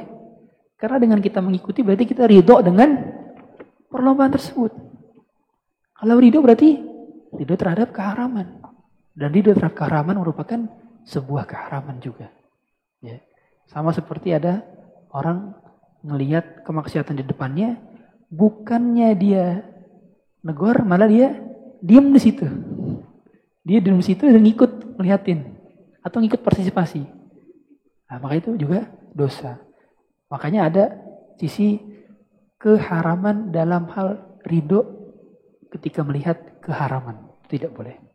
Allah alam. Harusnya didakwahin ya. Jangan ikut-ikutan. Assalamualaikum Ustadz. Bagaimana dengan asuransi ekspedisi? Karena barang yang kita kirim termasuk barang yang nilai jual tinggi, yaitu mahal dan berharga. Sedangkan kita tinggal beda kota atau pulau. Solusinya bagaimana Ustadz? Solusinya Pertama, ajukan pembiaya, bukan biaya, apa namanya, kerjasama dengan asuransi syariah. Bisa, akadnya bisa. Ya. Kalau kita baca kitab Setarwandi, itu beliau membagi asuransi syariah itu. Akad-akadnya, dibedah skemanya. Dan pada akhirnya bisa menjadi boleh. Karena premi yang dimasukkan itu tidak langsung menjadi keuntungan bagi si perusahaannya, tapi dibagi-bagi. Sebagian untuk dana tabarru' sebagian untuk dana investasi dan sebagian untuk ujroh atau fee, dana hibah yang diberikan kepada perusahaan asuransi syariah. Kalau memang ekspedisi tidak menyediakan tidak tidak menyediakan asuransi syariah, maka kembali hukum asal tidak boleh menggunakan asuransi ekspedisi kecuali ekspedisinya tidak mau menerima layanan kecuali dengan asuransi. Kenapa kok boleh? Kenapa tadi? Alasannya? Hah? Karena ta, tabi dan terpaksa. Sama seperti tadi ya. Beli tiket pesawat, ada asuransi perjalanan. Padahal kita nggak beli asuransinya. Kita beli tiket pesawat ya. Tapi kalau beli tiket pesawat include asuransi perjalanannya. Nah, asuransi perjalanan itu sebagai tabi ngikut karena itu terpaksa untuk mendapatkan itu dan kita tidak memilihnya gitu. Tapi kalau ada pilihan untuk tidak menggunakan asuransi ekspedisi, maka Anda sebagai pedagang tidak boleh menggunakannya. Allah alam. Assalamualaikum Ustadz. Bagaimana hukum mengumpulkan poin belanja di minimarket atau supermarket? Misal poin member di toko X dan apakah boleh poin tersebut dipakai untuk belanja? Mohon penjelasannya Ustadz. Boleh. Maaf boleh? Karena statusnya sebagai hibah, diskon, cashback, kita beli dari sebuah toko, supermarket itu statusnya adalah hibah. Hibah. Sehingga boleh digunakan lagi. Yang tidak boleh adalah digunakan untuk ikut undian. Itu nggak boleh. Karena kenapa? Karena berarti ketika diikut undian dia menyertorkan sebuah materi. Dan ketika dia menyertorkan sebuah materi berarti statusnya apa tadi? Judi atau kimar gitu. Hanya kalau ada dapat poin, jangan ikut undian. Kan ada biasa ikut undian kan. Ikutnya apa? Tukerin, gak apa-apa tukerin boleh. Atau jadi potongan harga, boleh, boleh, hukum masalah boleh. Atau jadi pulsa dan seterusnya. Allah alam. Bismillah, terkait lomba yang sudah memang menjadi budaya di masyarakat, apabila kami dimintakan iuran oleh panitia dan kami tidak memberi, kemudian kami berinisiatif hanya memberikan hadiahnya saja, jadi kami tidak memberikan iuran, bagaimana Ustadz? Tidak boleh memberikan hadiah, kan permainannya tidak masyru. Tadi ingat, apa permainan yang boleh dikasih hadiah? Hah? Permainan yang ada unsur jihad fi. Saya tanya, makan kerupuk ada jihad fisabilillahnya enggak? Ada? Enggak ada. Enggak ada. Ya. Jadi gimana solusinya? Nah, solusinya adalah memberikan, ya, memberikan misalkan um, apa ya? Mungkin uang kebersihan, bukan uang-uang yang kaitan dengan lomba ya. Kita sediain peralatan kebersihan dan seterusnya yang tidak ada kaitannya dengan dengan perlombaan. Dan ini lebih aman. Ya Allah alam. Assalamualaikum Ustadz, mohon nasihat dan penjelasannya. Saya bekerja di perusahaan garment yang memproduksi, maaf, underwear atau pakaian dalam perempuan dan juga bikini. Yang ingin saya tanyakan, untuk bikininya ini bagaimana Ustadz ya? Saya pernah mendengar kalau underwear masih tidak masalah, tapi untuk bikini ini kadang-kadang masih dipakai di tempat-tempat umum. Bagaimana status pekerjaan dan gaji saya yang terima ini Ustadz? Yang menjadi patokan adalah apakah produk dan jasa yang diperjualbelikan dominan digunakan untuk kemaksiatan atau tidak. Sekarang menjadi pertanyaan. Domini, apa domini? Apa tadi? Uh, bikini, ke domini. Bikini itu di dominan digunakan untuk apa? Saya tanya. Menurut data, menurut data di lapangan yang kita lihat, bikini itu digunakan untuk apa? Mohon maaf, saya pengen nanya dulu, bikini itu pakaian yang kayak gimana? Pakaian yang dipakai di di pantai kan? Oke. Okay. Ya itu pakaian seksi berarti kan? Nah, itu kan dominan dipakai untuk kemaksiatan. Dan saya sekali jarang melihat, uh, eh, maksudnya jarang mengetahui ya, apakah emang dipakai dalam rumah oleh perempuan? Dipakai? Dipakai gak? Tapi, oke, okay, misalkan dipakai, tapi apakah dominan? Tidak dominan. Dominan dipakai untuk maksiat. Kalau dipakai untuk maksiat saya tanya, kita ketika memproduksi tersebut berarti ngapain? Memfasilitasi mereka untuk bermaksiat. Sekarang saya tanya, boleh apa enggak? Enggak boleh. Nah, tapi yang dihukumi adalah yang dominan. Contoh jadi, di perusahaan Anda bekerja, dominan produksi underwear atau bikininya. Kalau dominannya bikini, jelas berarti haram Anda bekerja di situ. Karena al-hukmu adalah ghalib. Dalam istilah fikih itu, yang dihukumi itu yang mayoritas. Core bisnisnya. Contoh, kita bekerja di sebuah perusahaan IT. Customernya, customernya 80% perusahaan-perusahaan yang bergerak di industri manufaktur. 20% adalah industri perbankan konvensional. Saya nanya, halal gak? Halal. Karena customernya 80% apa? Manufaktur yang halal. Berbeda ceritanya. Ketika Anda bekerja di eh, di sebagai konsultan IT, kemudian mayoritas customernya adalah orang di perbankan konvensional, bank riba. Saya tanya, halal gak income-nya? Tidak halal. Karena berarti ada unsur tolong-tolong dalam kemaksiatan sebagaimana Allah sudah katakan wa ta'awanu 'alal birri wat taqwa wa la ta'awanu 'alal wal 'udwan. Tolong menolong kepada kemaksiatan. Maka berarti yang dihukumi dominan. Silahkan cek apakah underwear lebih dominan dibandingkan bikini yang diproduksi oleh perusahaan Anda. Wallahu a'lam. Bismillah Ustaz jika di perusahaan ada asuransi tenaga kerja namun bukan BPJS yang dipotongkan dari gaji apakah kita boleh menggunakannya dan kita tahu itu bukan asuransi syariah. Untuk pemotongan itu namun wajib untuk karyawan. Bagaimana Ustadz? Tidak boleh diambil kecuali apa yang pernah dia setorkan saja. Jadi dia nggak boleh klaim di situ. Dan setahu saya itu baru boleh diambil itu ketika pensiun. Jadi ketika pensiun maka dikonversikan. Berapa dia pernah store. Kemudian dia ambil preminya yang pernah dia store tersebut. Sisanya dikemanain? Pertama, dikembalikan kepada perusahaan. Kalau perusahaan gak mau, maka disalurkan kepada fakir dan miskin. Tapi Ustadz ratusan juta Ustadz. Maka harta kita tidak bernilai kalau haram. Salurkan ke fakir miskin. Dengan begitu harta kita bersih dari kenajisan dan kotoran. Allah alam. Assalamualaikum. Izin bertanya Ustadz, apa hukum bekerja jadi kru shooting iklan? Atau iklan produk seperti makanan dan minuman namun di sini memakai model yang tidak menutup aurat. Tidak boleh. Tidak boleh. Karena modelnya menutup, tidak menutup aurat. Kalau menutup aurat, boleh.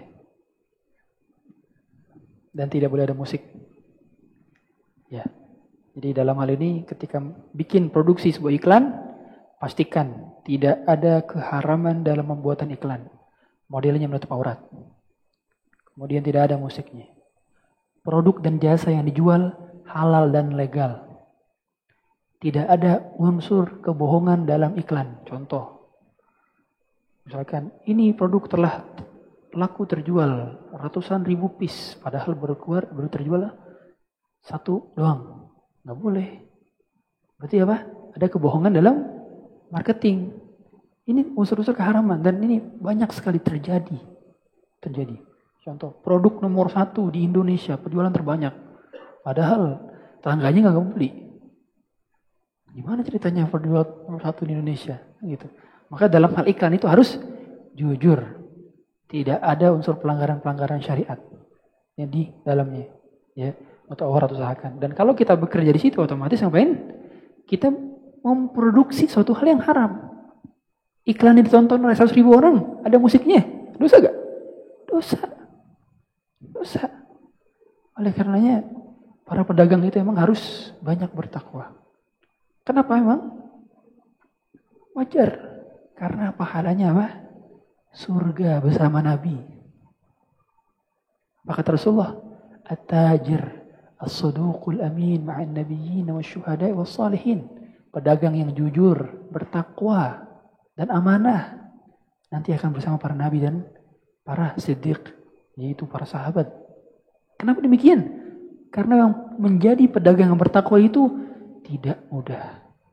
Apalagi kalau udah berhadapan dengan MM-an. Berhadapan dengan ratusan juta. Ustadz, ada tender Ustadz. Ratusan juta. Tapi iklannya iklan bermusik. Gimana Ustadz ambil gak? Jangan. Kamu nolaknya sekarang akan dapat lagi yang halal. Karena pada hakikat rezeki sama. Yang halal segitu, yang haram segitu. Mau diambil cara halal, cara haram jumlahnya tetap segitu. Gak usah takut meninggalkan perkara-perkara haram. Kita ini belajar fikih muamalah bukan tujuannya supaya memiskinkan diri. Enggak. Pada akhirnya kalau Allah buat kita kaya, kita akan kaya. Padahal kan rezeki soal, Allah. Jadi nggak perlu takut kalau ninggalin yang haram-haram. Tenang aja. Allah pasti ganti yang lebih baik. Sabar. Allah Bismillah, Assalamualaikum warahmatullahi wabarakatuh Ustaz Ana bekerja di salah satu perusahaan swasta yang bergerak di bidang konstruksi. Ana bertanggung jawab menjalankan salah satu proyek di wilayah Jabodetabek. Salah satu tugas Ana membuat progres pekerjaan setiap minggunya. Adapun kontrak kerja di proyek yang Ana pegang bersifat lumsum di mana tidak ada pekerjaan tambah kurang. Setelah proyek berjalan kurang lebih dua bulan, Ana diberitahu bahwa volume yang ada di RAB dinaikkan 25% dari volume awal. Untuk mengakomodir fee komitmen salah satu pejabat user atau owner, yang ingin Ana tanyakan, apakah Ana menjadi bagian yang terlibat atas rekayasa kezoliman tersebut? Apakah gaji yang Ana terima halal dan berkah? Jika anak termasuk orang yang zolim, solusinya seperti apa Ustaz? Apakah anak harus resign? Jazakallah khair Ustaz. Bagus, pertanyaan bagus. Pertama, Ini jadi catatan, ini jadi kaedah supaya tidak ada pertanyaan berulang nantinya.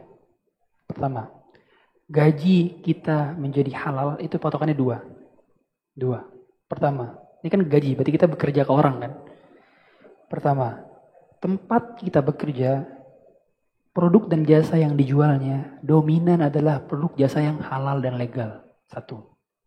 Yang kedua, posisi yang kita emban dan kita mendapatkan amanah di sana adalah posisi yang tidak mengandung unsur kemaksiatan kepada Allah dan kezaliman kepada manusia. Ini.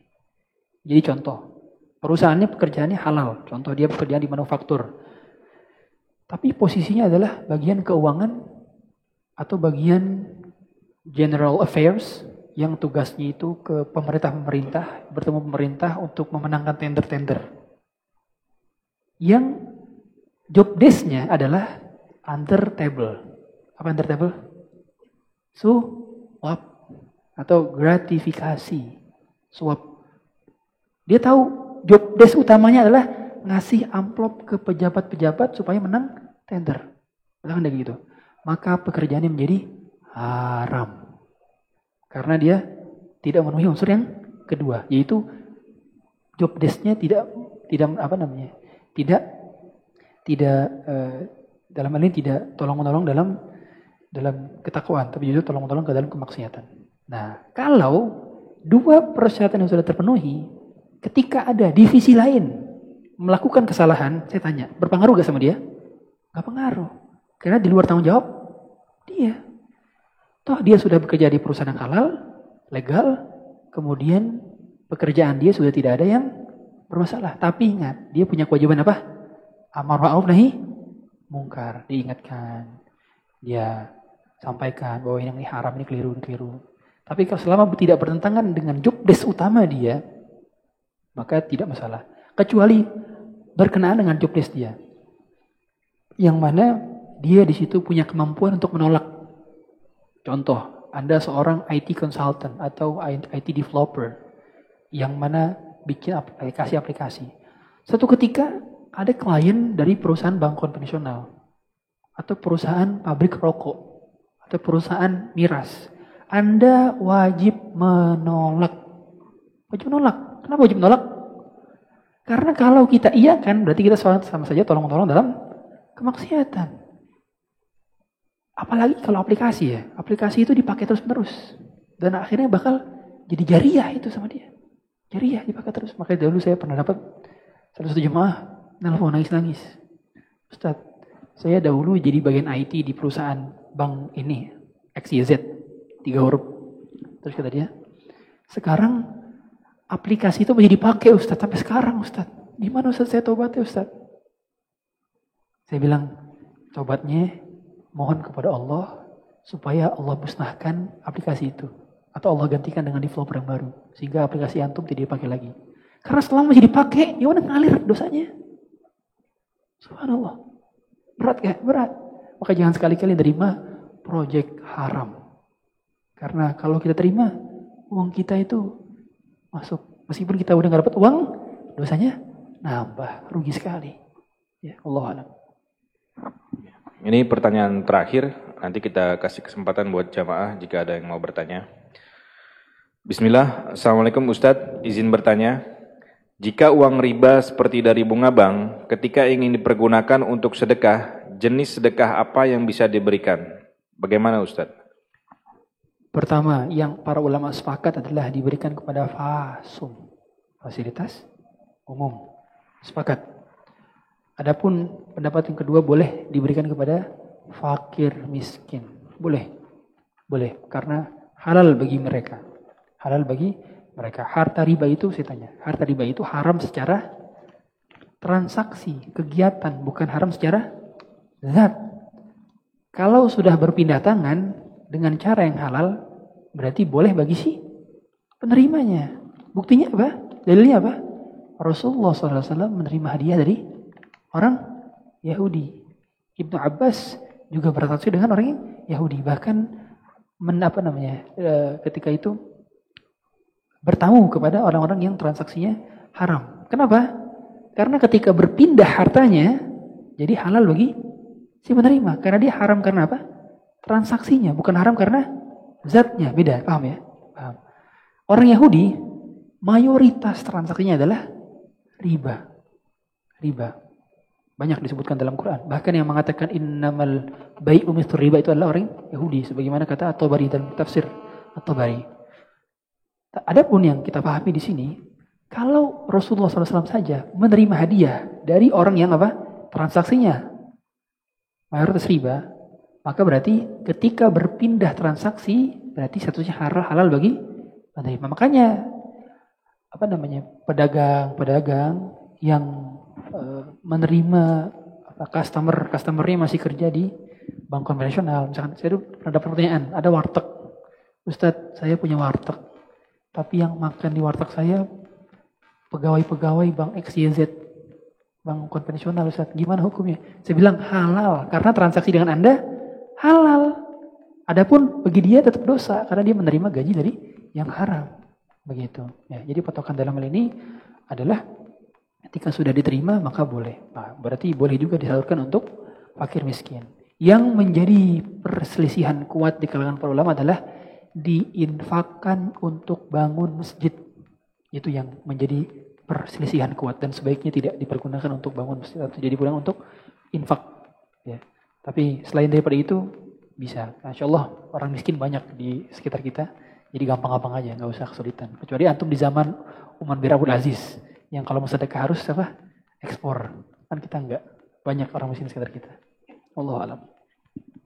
Bagi teman-teman jika ada yang mau bertanya,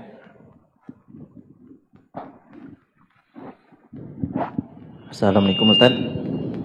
Salam. Ana dari Pontianak uh, ke Jakarta ikut panahan.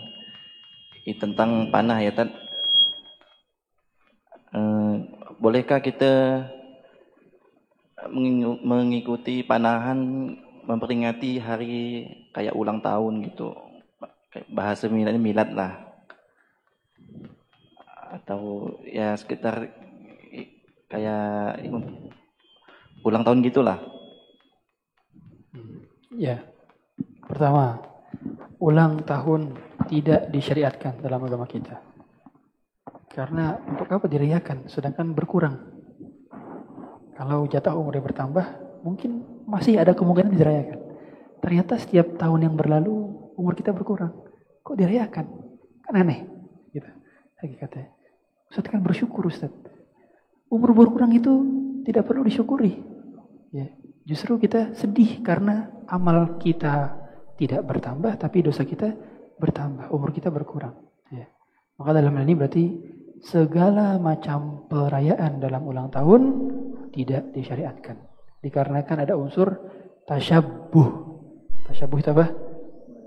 Nah, menyerupakan orang kafir. Dikarenakan tradisi memperingati, merayakan ulang tahun adalah tradisi orang kafir orang kafir dan ini pura-pura orang kafir.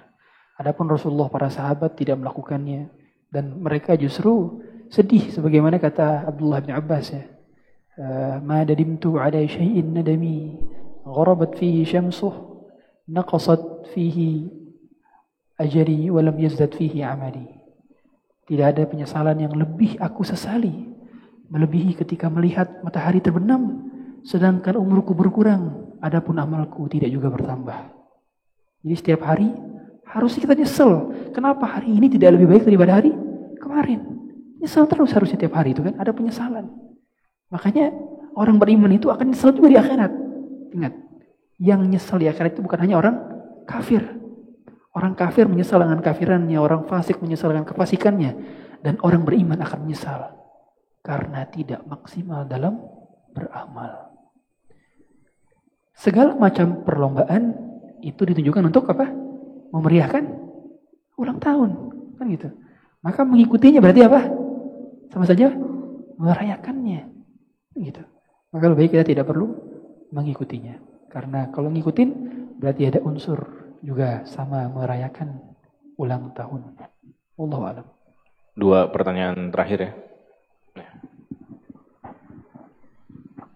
Bismillahirrahmanirrahim. Assalamualaikum warahmatullahi wabarakatuh. Assalamualaikum warahmatullahi wabarakatuh. Jadi saya ada dua pertanyaan, boleh Ustaz? Betul.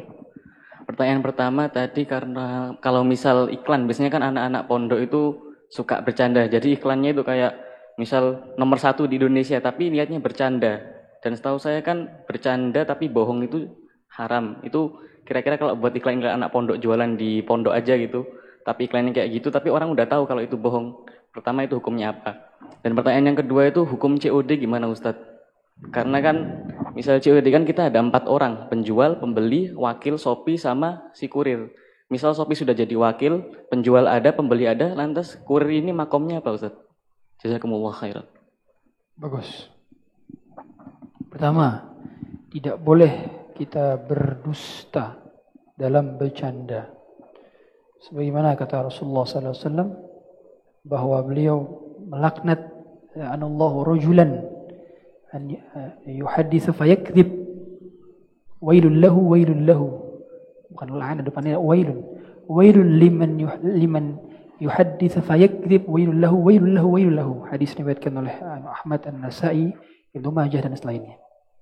Celaka seorang yang berbicara kemudian berdusta meskipun untuk liudhika bihin nas meskipun untuk membuat orang lain tertawa. Hiburan maka tidak boleh berdusta untuk meskipun bercanda. Bahkan dalam hadis riwayat Muslim ya eh, bahwa Allah Subhanahu wa taala telah menyiapkan uh, baitan fil jannah fi rabadil jannah liman liman uh, tarakal kadhiba wa in kana haqqan ya. apa wa in kana untuk meskipun untuk bercanda Allah akan mempersiapkan surga di pinggiran, di pinggirannya bagi orang yang meninggalkan kebohongan ya meskipun hanya bercanda. Kemudian yang kedua, apa hukum COD? Pertama, COD di marketplace ini yang menjadi permasalahannya adalah eh, eh, kebanyakan para ulama mengatakan dia akadnya adalah jual beli hutang dengan hutang. Karena pembayarannya tertunda dan barangnya tertunda juga. Atau dalam istilah fikih disebut dengan bayul kali ibil kali, jual beli kali dengan kali. Ini ijma' para ulama haram kalau bayi kali bil kali.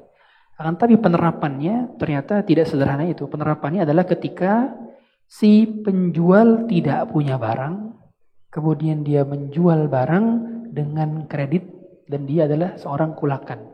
Itu namanya baru uh, konsep bayul kali bil kali. Adapun di marketplace, konsep COD itu hanya boleh bagi seller yang punya barang.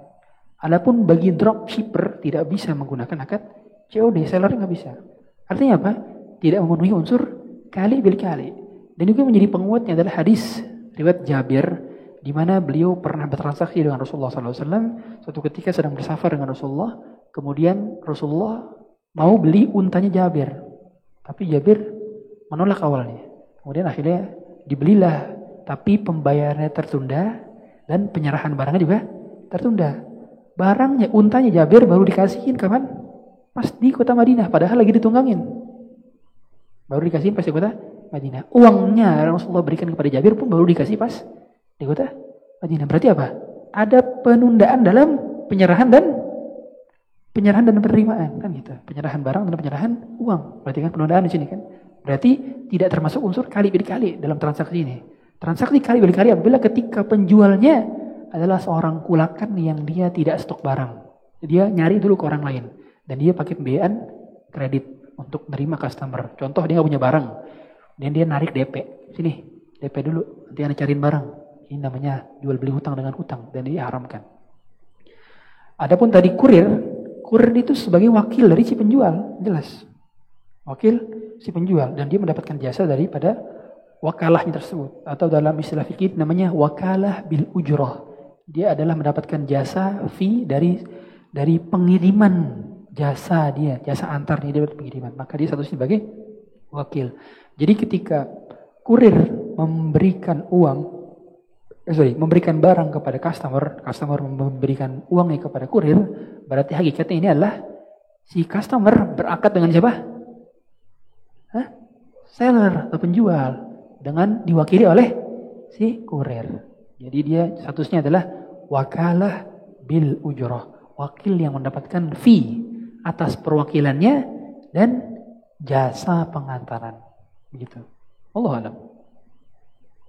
Lagi? Ada lagi terakhir? Ah, ada lagi. Fadal.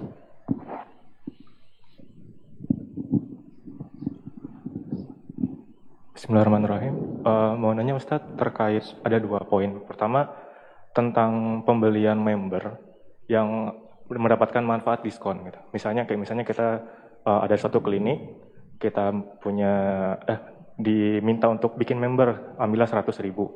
Untuk kemudian khusus bagi member, ke depannya akan dapat diskon sekian persen. Apakah ini dibolehkan? Dan yang kedua adalah bagaimana uh, hukumnya voucher yang kita beli itu dengan uh, dengan tunai, ambil voucher diskon 20%, kita beli seharga 20.000 tapi nanti manfaatnya adalah diskon produk uh, si pemilik voucher sebesar lebih tinggi dibanding sama jumlah pembelian itu. Demikian. Tidak boleh. Tidak boleh. Mengapa tidak boleh? Pertama, beli member card di toko-toko uh, apa namanya toko furnitur, toko-toko elektronik gitu ya. Kemudian nanti dapat diskon dengan pembelian berikutnya ketika sudah menjadi member. Mengapa tidak boleh? Karena ada unsur gharar. Mengapa gharar? Dikarenakan bisa saja dia beli kemudian tidak menggunakan membernya sama sekali. Beli, kemudian meninggal. Saya tanya, Siapa yang untung? Si penjual kan gitu. Karena ternyata customernya beli tanpa menggunakan membernya. Sebaliknya akan ada kerugian dari pihak siapa? Si pembeli. Ya, gitu kan. Begitu pula ada juga kerugian dari pihak si penjual. Ketika apa? Ketika ternyata dia menggunakan diskonnya lebih banyak dibandingkan kartu member yang dia beli. Maka kalau ada model-model member-member yang semacam ini yang dia mau mendapatkan dikasih bonus dari membershipnya, maka hendaknya tidak menggunakan biaya. Tapi dilihat dari apa? Dari loyalitas pembelian data. Oh, ada data-data customer yang belinya sering. Oh, dikasih membership aja nih. Tanpa disyaratkan harus bayar. Atau, atau kalaupun ada kartu membership, maka kartu membershipnya itu harus seharga real cost. Contoh, buat kartu misalkan 10 ribu. Harganya mau 10 ribu buat kartu. Berarti boleh bayar 10 ribu untuk pembuatan kartu. Berarti apa? Dia tidak boleh mendapatkan keuntungan dari pembuatan kartu. Karena kalau dia mendapatkan keuntungan dari pembuatan kartu, berarti apa? Horror. Berarti sama aja dia beli apa? Beli diskon. Kan gitu. Sedangkan diskonnya belum tentu dia pakai. Atau ketika dia pakai, dia lebih daripada harga yang pernah dia storkan. Sama kasusnya dengan beli voucher diskon. Memungkinkan dia tidak menggunakan vouchernya, ya kan? Dia beli tapi nggak gunain. Siapa yang rugi? Dia. Siapa yang untung? Penjual.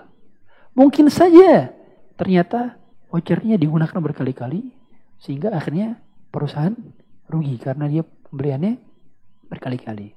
Maka dalam ini hukumnya gharar. Nah ini harus banyak bertakwa. Kadang-kadang menggiurkan. Ya kita beli di furniture ini kalau jadi member dapat potongan setengah harga. Uh, setengah harga itu lumayan. Tapi kalau kita bertakwa, enteng saja meninggalkan. Enteng. Gak boleh. Karena ada unsur goror. Allah alam. Lagi, cukup. Cukup. Wah, lagi. sekali lagi, nambah sekali lagi, sekali lagi.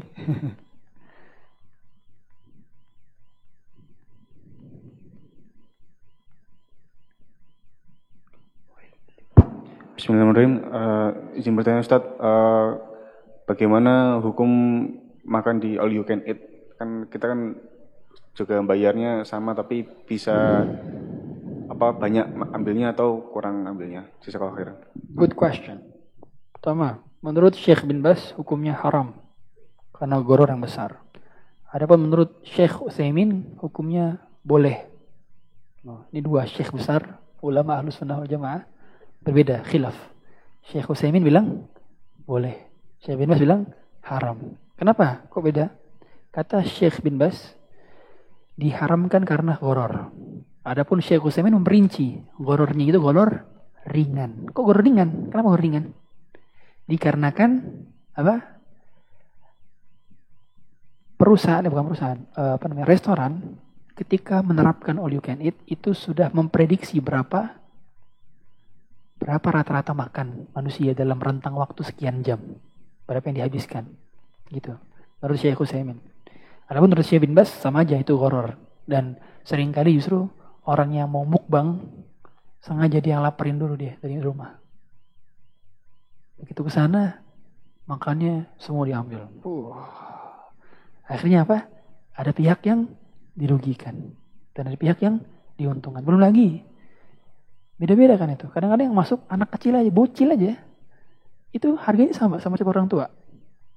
Misalkan 200 ribu per 90 menit. 200 ribu anak kecil cuma makan es krim. Orang gede makannya sebakul. Horor berarti kan? Nah, maka dalam ini berarti hendaknya fix-fix saja makannya. Dan pada akhirnya kebanyakan, kebanyakan orang yang makan oleh itu apa? Mohon maaf sekali. Ada unsur ketamakan dalam diri dia.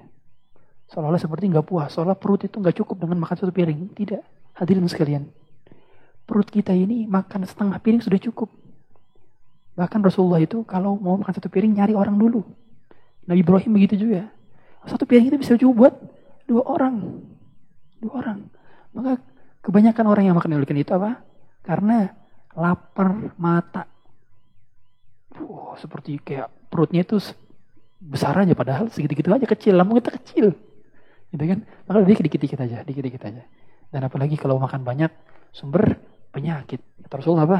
Mala adamiyun eh, wi'an syarran min batni. Tidak ada seorang anak hamba yang menuhi wi'an. Wi'an itu wadah yang lebih buruk dibandingkan perutnya. Ya, maka hendaknya kita jaga makanan dari hal yang berlebihan. Kata Rasulullah wa iyyakum was-saraf wal israf. Tidak boleh kita berlebihan. Barang kata, kata Allah Subhanahu wa taala apa? Wala tubadzir tabdzira innal mubadzirina kanu ikhwana syayatin. Jangan mubazir. Mubazir temannya syaitan. Betapa banyak ngambil banyak tapi kagak dimakan. Meskipun tidak juga akhirnya kalau nggak dimakan ya. Allah alam. Leh, cukup. Ya, ya. Eh, tadi mau tanya katanya nih. boleh nggak boleh? ya udah. Iya. Mau nanya? Jadi eh, boleh silakan. Untuk antum terakhir. Silakan. Assalamualaikum warahmatullahi wabarakatuh. Assalamualaikum warahmatullahi wabarakatuh. Afwan Ustadz, bagaimana hukumnya jika uh, seorang karyawan yang mempunyai tanggung jawab untuk um, mengeluarkan atau memasukkan barang ke tempat atau suatu perusahaan, tapi di situ ada unsur manipulatif data, manipulasi data. Hmm. Uh, kemudian karyawan tersebut menolak, tapi atasan karyawan tersebut uh, mengambil alih Hmm. Itu bagaimana Ustadz? Apakah ya. uh, tetap melanjutkan bekerja di situ? Iya, iya, betul, kasih. bagus. Bisa kalau khair. Iya, tetap melanjutkan kerja di situ. Dikarenakan dia sudah nolak dan kemudian dialihkan kepada orang lain. Jadi dia tidak menanggung dosanya. Beda cerita kalau dia melakukannya, dia melakukannya, dia jadi the person in charge-nya, kemudian dia ngelakuinnya dan dia nggak nolak, maka dia berdosa.